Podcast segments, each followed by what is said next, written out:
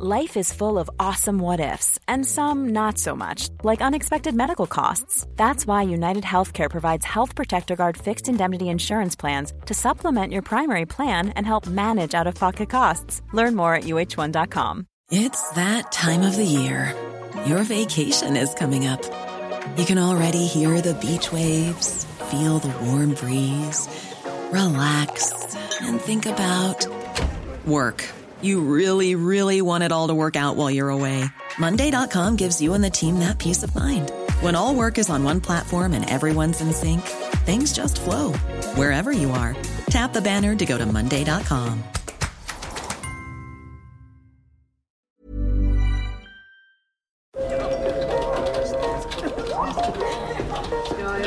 Dette er lyden av norsk næringsliv. Akkurat nå tas det små og store valg som kan bli avgjørende for fremtiden. Med økonomisystemet X-Leger tas disse beslutningene basert på informasjon i sanntid, slik at drømmer og ambisjoner kan bli virkelighet. Få kontroll og oversikt, gå inn på xledger.no.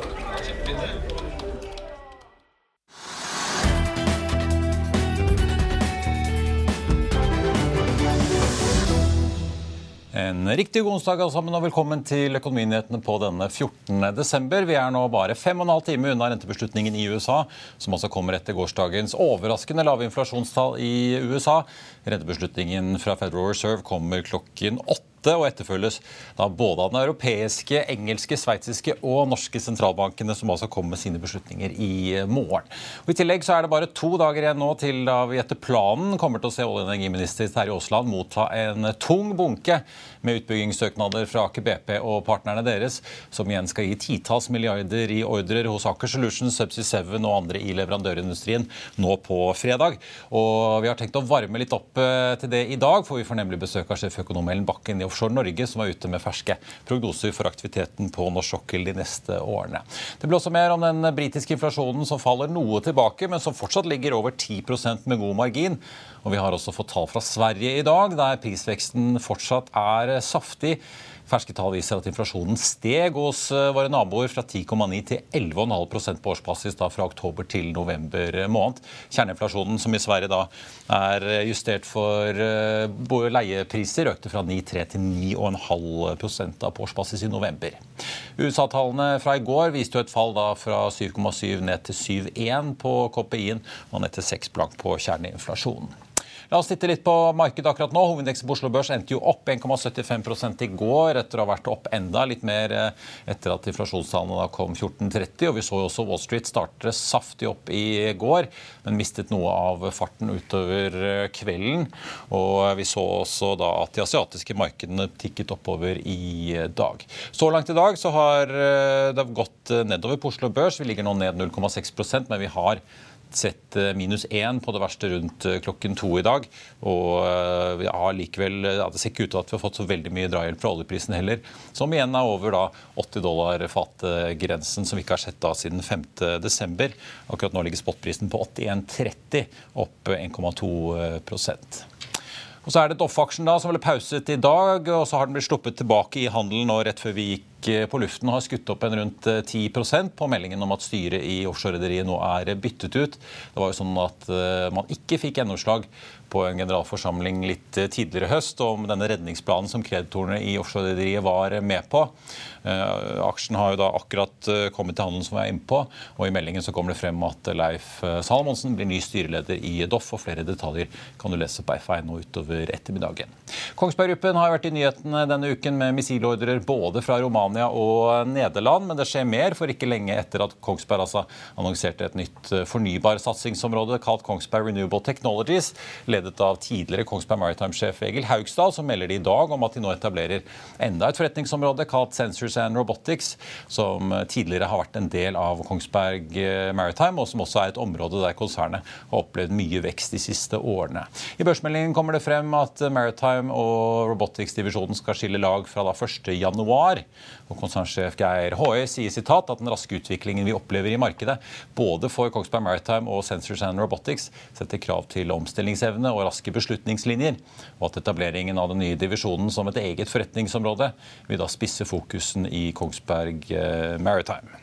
Goldman Sachs kutter kursmålet på Telenor fra 107 til 80 kroner aksjen, noe som impliserer en nedside på 12% i telegiganten.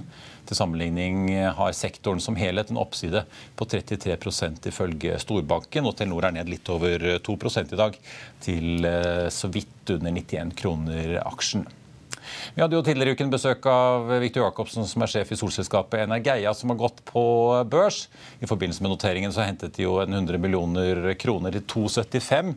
Og Tirsdag sluttet aksjen på 3,12, og den har vært oppe i 3,50. I dag ser vi at nykommeren på børsen tikker nedover og ligger og handler på 2,60. Eidsiva er jo en av de store aksjonærene i selskapet. Og så spenner det, eller så, si, så strammer det seg til i konflikten i Tank. Den belgiske Savaris-familien fortsetter å stikke hjulene i, kjepper i hjulene for Jon Fredriksen og ønsket hans om å slå sammen tankegigantene Frontline og Euronav. Nå krever de at hele prosessen blir avblåst. Eh, Sabrys-familien har jo bikket et eierskap i Euronav på 25% har det kommet frem denne uken. Og en fusjon mellom de to vil da kreve tilslutning fra minst tre fjerdedeler av aksjonærene i eh, Euronav, og det ser det da ut til at Sabrys-familien vil kunne blokkere. Frontline-aksjen er ned en halv prosent i dag til eh, litt over 135 kroner aksjen. For også bare slenge med at NB Markets Ole Martin Westgård er ute og hever kursmålet på europris etter deres kapitalmarkedsdag. Han har fortsatt en kjøpsanbefaling, men løfter kursmålet med 5 kroner til 85. Han sier at de er positive i forkant av fjerde kvartalstallene som da kommer 2.2 og forventer tall over konsensus i et krevende retail-marked. Europris er opp en halv prosent i dag.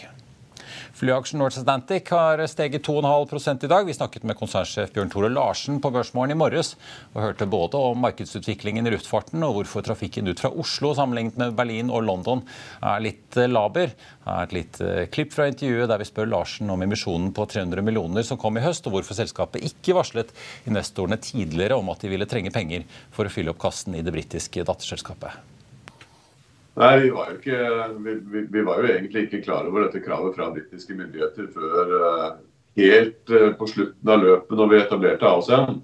Og dette er egentlig et krav som ikke vi har hatt mot andre selskaper tidligere. Og, og, Vi reagerte litt på det, og vi har gått mange runder med myndighetene for å prøve å unngå dette særskilte kravet vi fikk. Men Svaret er at eh, de, eh, de, kommer til å kreve dette fra alle selskaper som etablerer seg i Storbritannia fremover. og Det skyldes at de har veldig dårlig erfaring med selskaper som har gått konkurs. Etterlatt seg mange regninger ubetalt, og ikke minst mange forbrukerkrav. Så, så de var uh, ufravikelige på det punktet. og Vi uh, anså ikke at vi måtte inn med mer penger før vi var egentlig uh, ganske langt ute i dette løpet. Så, og, og jeg syns det er fryktelig leit at vi måtte gjøre det. for hadde trafikktall eller bookinger inntekter vært litt høyere, så hadde vi også sluppet det. Men vi måtte være sikre på at vi hadde god nok margin til å komme gjennom en vinter. Og vinteren blir tøff, det har vi klart skjul på. Uh, hvor tøff, det vet man ikke helt før man er ferdig med den. Men uh, nå begynner vi å se lys i tunnelen. Og også på bookingtall ser vi det er, det er, det er veldig sterke tall. Og vi ser at det er mange uh, som, som, fortsatt vil reise til tross for resesjon. Det som kanskje ikke er så populært, dessverre, det er Oslo til og fra Oslo, der eh, syns vi fortsatt det er uh, for dårlige tall i forhold til hva vi hadde forventa. Men til de andre destinasjonene våre så er det veldig bra. Ryan Reynolds here from Mint Mobile. With the price of just about everything going up during inflation, we thought we'd bring our prices down. So to help us, we brought in a reverse auctioneer, which is apparently a thing.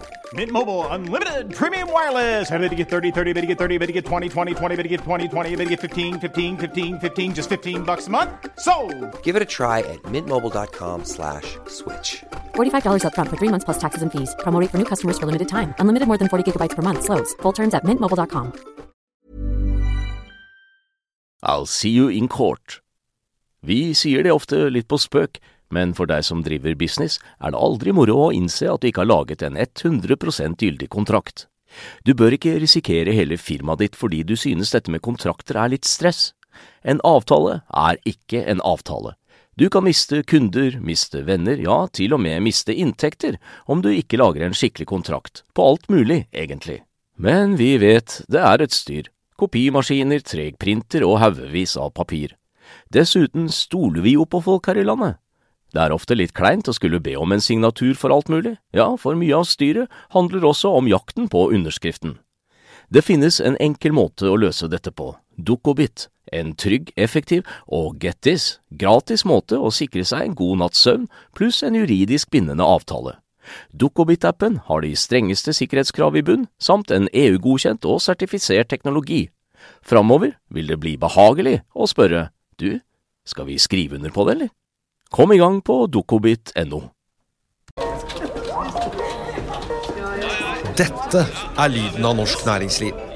Akkurat nå tas det små og store valg som kan bli avgjørende for fremtiden. Med økonomisystemet X-Leger tas disse beslutningene basert på informasjon i samtid, slik at drømmer og ambisjoner kan bli virkelighet. Få kontroll og oversikt, gå inn på xledger.no. Og Hele intervjuet med Bjørn Tore Larsen det finner du på f1.no-tv. og Du kan selvfølgelig også høre det ved å søke opp Økonominyhetene eller Børsmorgen på Spotify, Apple Podcast eller ved å gå inn på f1.no-podkast. Da skal vi snakke om eh, norsk sokkel og den ferske investeringsanalysen som bransjeforeningen Offshore Norge er ute med for perioden fra og med i år til 2027. Og vi kan regne med investeringer på 187 milliarder kroner neste år. Ellen Bakken, sjeføkonom i Offshore Norge, velkommen. Takk for det. En liten økning eh, ligger det an til neste år?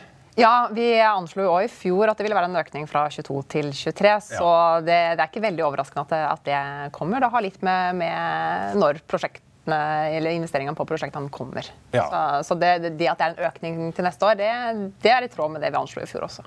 For, for bare ta det da, Når SSB er ute med disse investeringstallene sine, så legger de bare inn de prosjektene som er sanksjonert, altså hvor man har sendt inn utbyggingsplan til norske myndigheter. Men dere legger inn alle prosjektene dere regner med sannsynlig kommer, eller?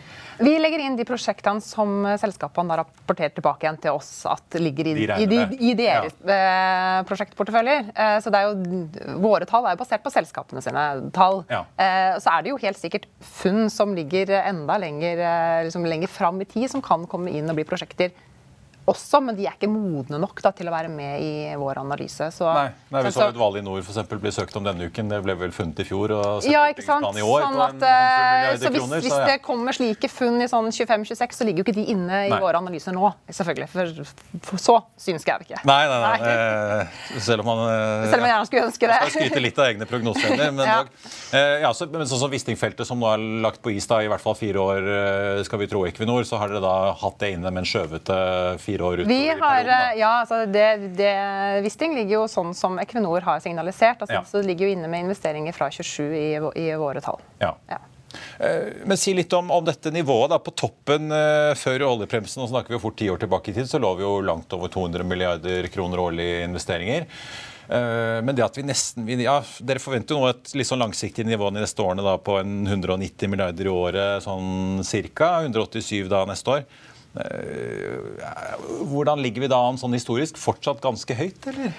Også ja, det vi ser er jo at uh, investeringene ligger jo i 23, 24, 25 ligger på samme nivå som vi hadde i 19. Så vi har jo kommet oss gjennom uh, covid-perioden på en veldig solid måte. Uh, opprettholdt aktiviteten. Det har jo vært målsettinga òg. Så de, de, midlertidige endringene i petroleumsskatten har jo fungert etter hensikten med at vi har klart å opprettholde aktiviteten. Vi ser jo i, På britisk sokkel så har det jo vært et mye større fall i 2021 eh, på aktivitetsnivå enn det, det, vi har hatt. Da. Sånn ja. at eh, det, det, ligger stabilt eh, på samme nivå som det har vært også før covid. Ja, så I andre yes. regioner så ser man effekten av at oljeselskapene faktisk utsatte, stoppet og ja, kansellerte prosjekter og de, når pandemien traff. Ja, ikke sant? Ja. Og de effektene fikk jo ikke vi. Nei.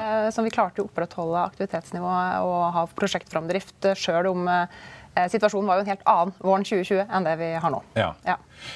Men altså, hvor hektisk er det? Kan du si noe om det?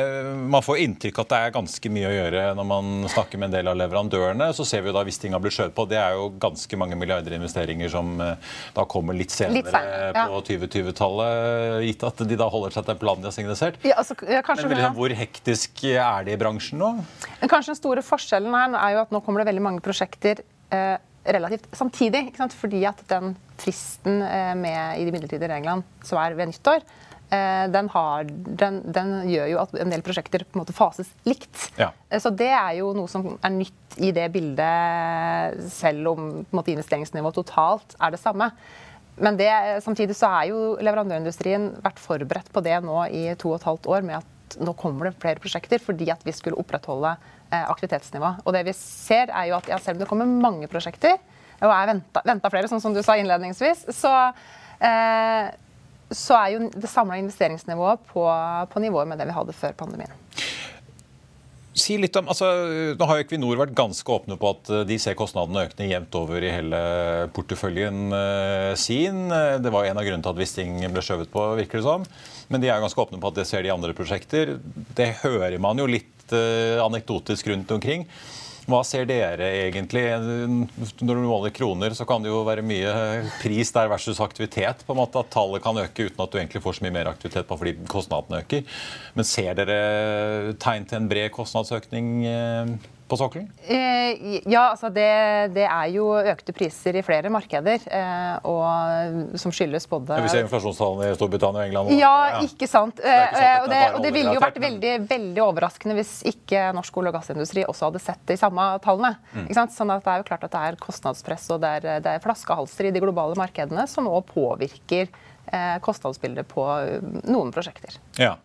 Men, det, men, hva gjør det på en måte med lønnsomheten da i andre næringer? Så ser man jo ofte om bedriftene klarer å øke prisen ut, men det er jo det er ikke sånn at Equinor kan gå ut og skru opp oljeprisen, eller prisen de selger oljen sin for. Det er jo besluttet i et marked. Ja, Selskapene gjør jo grundige lønnsomhetsvurderinger før et prosjekt eh, sanksjoneres. Eh, og Der ligger det inne store usikkerheter knytta til både si, framtidig prisbilde. Så du, skal, du skal investere nå eller ta en beslutning om investering, investering, nå på et prosjekt som begynner å produsere om fem år. Det, noen prosjekter kan jo være der. Mm. Eh, og hvilken, hvilken, pris man har da vi har, Det vi vet, er jo at prisene varierer veldig. Mm. Eh, det kan vel ikke de, altså de, to siste årene viser jo det, at det kan svinge. Og det kan svinge igjen selv om det ligger høyt nå. Mm. Eh, og det, det, tar jo selskapene høyde for når de fatter sine investeringsbeslutninger. Men er det noe tegn, altså, De siste årene har vi jo sett i hvert fall etter oljebremsen at oljeselskapene har vært ganske disiplinerte. På norsk sokkel har jo ikke ting blitt sanksjonert hvis ikke balanseprisen er under en 35-40 dollar fatet. Så at man har ganske god, i hvert fall til dagens priser, men man har generelt en ganske god da, buffer å gå på? Er det noe tegn til at noen begynner å slippe opp på de kravene? Eh, det, det, er ikke noe som vi ser i den analysen her. Eh, hvilke vurderinger som selskapene gjør før de beslutter sine prosjekter, det, er, eh, det ligger jo hos selskapene. Det er jo ikke bare laksebransjen som i år har fått seg en liten skatteoverraskelse på tampen av året. Det har jo dere i oljenæringen nå fått, når de plutselig skulle kutte i friinntekten helt på tampen av oljeskattepakken. Har dere sett noen endringer i selskapenes planer som følge av det? Selv om jeg skjønner selvfølgelig at ingen er glad i skatteendringer sånn på kort varsel, men har det ført til noen faktiske endringer på bakken? Eh, altså de, de, endringene som kom i friinntekten i, i, statsbudsjettet, det medfører jo at de prosjektene som blir fatta inn under de midlertidige skattereglene, øker, selskapenes andel øker med 40 ja. Det er jo helt klart at det eh, slår inn i, i vurderingene når eh, de skal velge å sanksjonere eller ikke sanksjonere ja. de prosjektene. Men samtidig så har de prosjektene kommet veldig langt. Så det er nesten sånn at de hadde kommet litt for langt til at, til at det alene skulle være en faktor på å trekke i nødbremsen, for å si det på den måten. Ja, for Wisting ble jo Ja, men eh, og det, er jo mitt neste poeng. at eh, de prosjektene som vi da eh, For vi ser jo færre prosjekter i porteføljen i år enn det vi gjorde i fjor. Ja. Men det er flere årsaker til det. Det kan være rammebetingelsene som kan ha vært utslagsgivende for noen. Men det er jo nettopp de økte kostnadene, det er flaskehalser, det er Reservoartekniske ting. Vi vet jo bl.a. Lindorm eh, er det jo flere i partnerskapet som har ja, ikke sant? Og de er, ja, ikke sant? Så det, er, det, er, det, kan være flere ting som gjør at prosjekter ikke, ikke kommer inn, og ikke si, utelukkende eh, de endringene i friinntekten som kom i statsbudsjettet. Mm. Men det er klart at uh, forutsigbare rammebetingelser er jo nøkkelen for, for videre investeringer. Ja. Så blir det kontantstrømskatt eh, hvis ikke de kommer med noen endringer på det og sånn eh, over natten. Vi får se.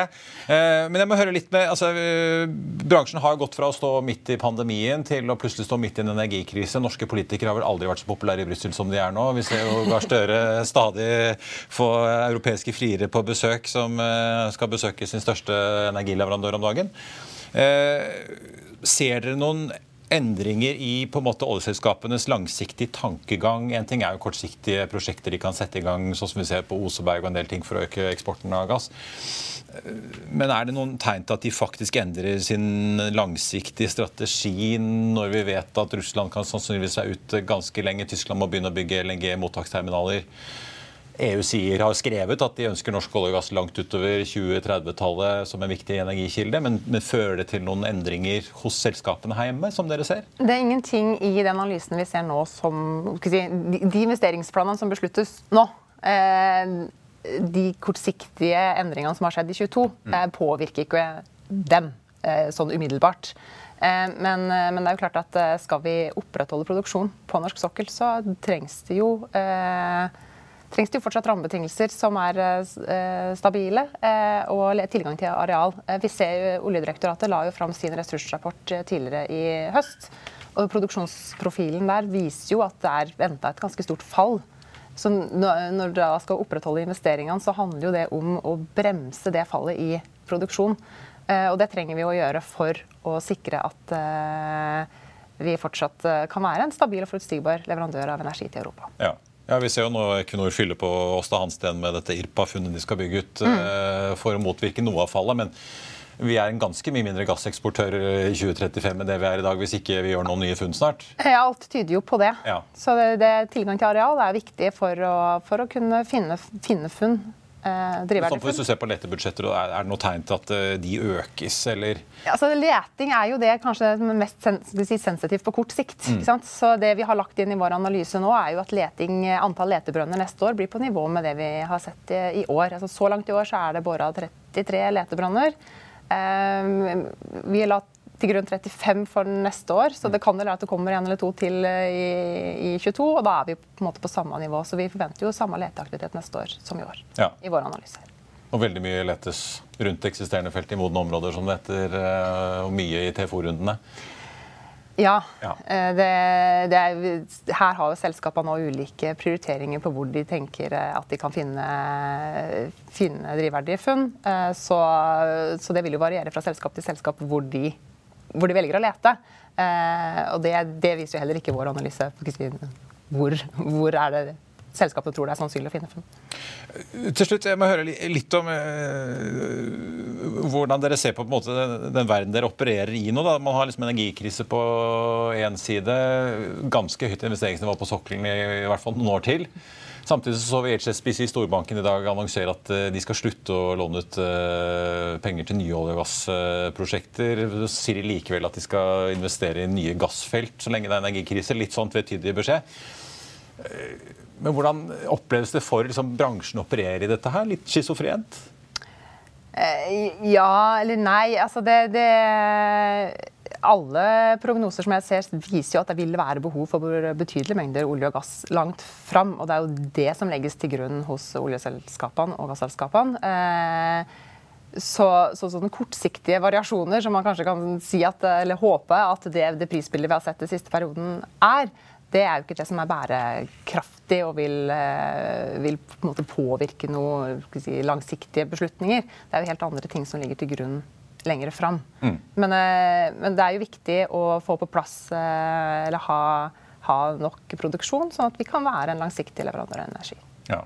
Hvor lenge holder liksom dagens produksjonsnivå eh, seg i Norge, hvis ikke vi Nei, altså det, det er, er, er, det liksom 2028 som begynner, og da begynner ting å dabbe av mye? Det? Ja, det er jo Oljedirektoratet som har de, de fineste prognosene på det. Ja. eller den ressursrapporten. Så det er, det er, et ganske bratt fall, uten at jeg husker mm. nøyaktige tallene. Og det kommer selvfølgelig an på hvilke funn som blir gjort, og om eh, hva, er, hva lønnsomheten er i det.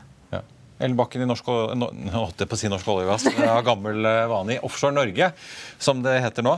Takk for at du eh, kom til oss. Så blir det veldig spennende å se eh, hva som skjer fremover. Ikke minst på fredag, når da Aker BP etter planen skal levere veldig mange utbyggingsplaner. Vi skal til Storbritannia nå, der prisene også stiger mer enn 10% som i Sverige, selv om de falt noe tilbake da fra oktober. Helt presis så gikk årstakten i inflasjonen fra 11,1 til 10,7, mens kjerneinflasjonen som falt til 6,3. Begge da 0,2 prosentpoeng under forventningen. Bloomberg har sett nærmere på prisveksten, som fortsatt er på sitt høyeste på 40 år. Tomorrow's a big day for the Bank of England. Today, inflation a touch below expectations, but it's still very high. Yes, so this is bittersweet for the Bank of England. I don't think it really moves the needle after all the data we've had this week. On the one hand, inflation looks to be past its peak, as in the US, but it's still, as you say, five times above the Bank of England's target, still eye wateringly high. Services inflation is still at a 30 year high. So it might embolden some of the doves on the committee, Silvana Tenreiro, Swati Dingra. Uh, because it's fallen and it's lower than expectations. They're, of course, worried about the recession risks of a big hike when there's this 18 month lag in monetary policy and the hike would take effect right in the eye of the recession. But at the same time, the, the hawks on the committee are still are going to be saying how high this is. It looks like it's going to be a half point tomorrow, as we expect from the Fed, as we expect from the ECB. And as they weigh up their decision, they're going to be thinking about the tightness in the labour market, which remains significant here. What more do we know about what's playing into that? Uh, well, well. We have uh, had a bold report from the chairwoman of the Treasury Select Committee, Harriet Baldwin, uh, overnight. And the, the committee says that perhaps the benefits that have been given to deal with the cost of living crisis are actually putting people off work and contributing to labour market inactivity, uh, which, uh, of course, when there are labour shortages, adds to the pressure on wages, which adds to the inflation problem itself. This is something that I've heard behind the scenes from economists, but it's bold and controversial to hear it from the Treasury Select Committee. They want benefits to be spread out over a longer period of time. They want the uh, new Work and Pensions Secretary, Mel Stride, who of course was the Treasury Select Committee chairman, to look at this in the so called Stride review on labour market inactivity. Uh, and I understand that that is something he's looking at. Velkommen tilbake. Jeg tenkte bare å nevne, Har du ønsker om eh, aksjer vi skal analysere, eller selskaper vi skal snakke med, eller saker vi skal ta opp, send en e-post til tvtips at finansavisen.no. Vi må innom noen av de aksjenyhetene som har også preget eh, dager i dag, og som er verdt å få med seg. Riksselskapet Northern Ocean til Jon Fredriksen har jo hentet av 45 millioner dollar i en rettet emisjon til 9,50. Den aksjen endte i går. Eh, altså på tirsdag på 10,20. I dag ligger den eh, på 9,65, ned 5,4% altså fortsatt en 15 øre da over eh, emisjonskursen. Så har vi Kongsberg Gruppen da, som annonserte en, enda, enda, en ny satsing, får vi si, i tillegg til denne Renewable Technologies-divisjonen som ble annonsert tidligere øst. Nå er det da Sensors and Robotics. Den aksjen Kongsberg Gruppen også ned 0,39 i dag på en hovedindeks som er den en halv prosent, så bitte litt foran hovedindeksen der. Norse Atlantic opp nesten 3 Vi snakket jo med Bjørn Tore Larsen, konsernsjefen der, tidligere i dag. Kongsberg, Auto, Kongsberg Automotive eh, annonserte jo i dag en kontrakt på nesten 60 millioner euro, en 600 millioner kroner omtrent, eh, innenfor elbilsegmentet.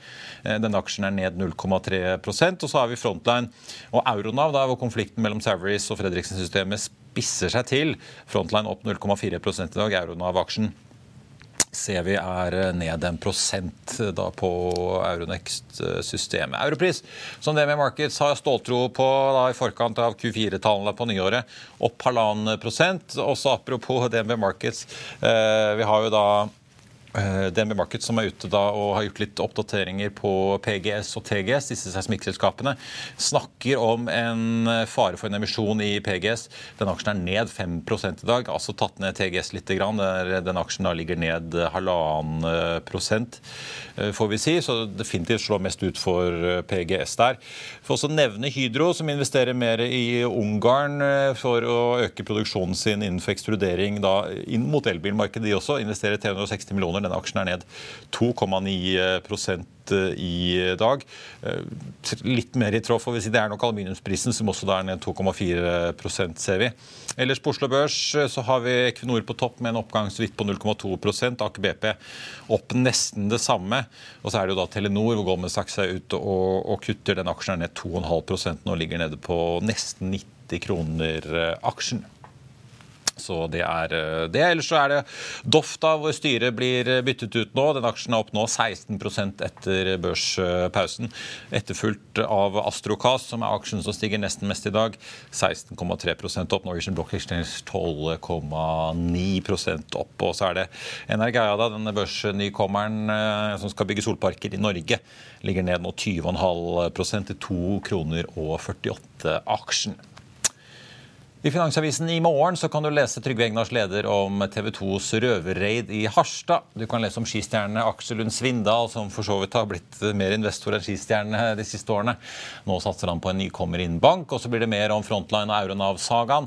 Og så blir det børsintervju med SEB-analytiker Thomas Svendsen og mye, mye mer. Og da er vi ved slutten av dagens sending. Husk at rentedommen fra USA den kommer klokken 20 i kveld, og den får du selvfølgelig på fa.no. Det er altså ventet en økning på 0,5 prosentpoeng opp fra dagens rentebånd på 3,75 til 4 Og Blir det da 0,5 prosentpoeng opp, så markerer det altså slutten på en serie med fire økninger på 0,75 fra Jerome Powell og resten av Federal Reserve. Vi er tilbake ved Børsmorgen 08.55 i morgen tidlig og skal analysere rentedommen sammen med rentekongen over alle rentekonger, Pål Ringholm. Men det er altså økonominyhetene i denne gangen. Over her fra Smestedammen. Ha en riktig god ettermiddag og kveld, alle sammen. Vi ses i morgen. Takk for da. Dette er lyden av norsk næringsliv. Akkurat nå tas det små og store valg som kan bli avgjørende for fremtiden.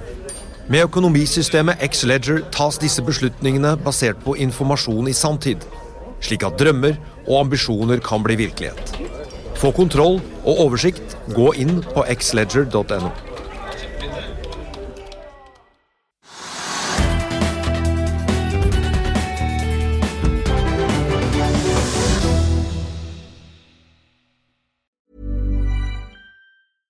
Even when we're on a budget, we still deserve nice things. Quince is a place to scoop up stunning high-end goods for 50 to 80% less than similar brands. They have buttery soft cashmere sweaters starting at $50, luxurious Italian leather bags, and so much more. Plus, Quince only works with factories that use safe, ethical, and responsible manufacturing. Get the high-end goods you'll love without the high price tag with Quince. Go to quince.com/style for free shipping and 365-day returns. Økonominyhetene er en podkast fra Finansavisen. Programledere er Marius Lorentzen, Stein Ove Haugen og Benedikte Storm Bamvik. Produsenter er Lars Brenden Skram og Bashar Johar. Og ansvarlig redaktør er Trygve Hegnar.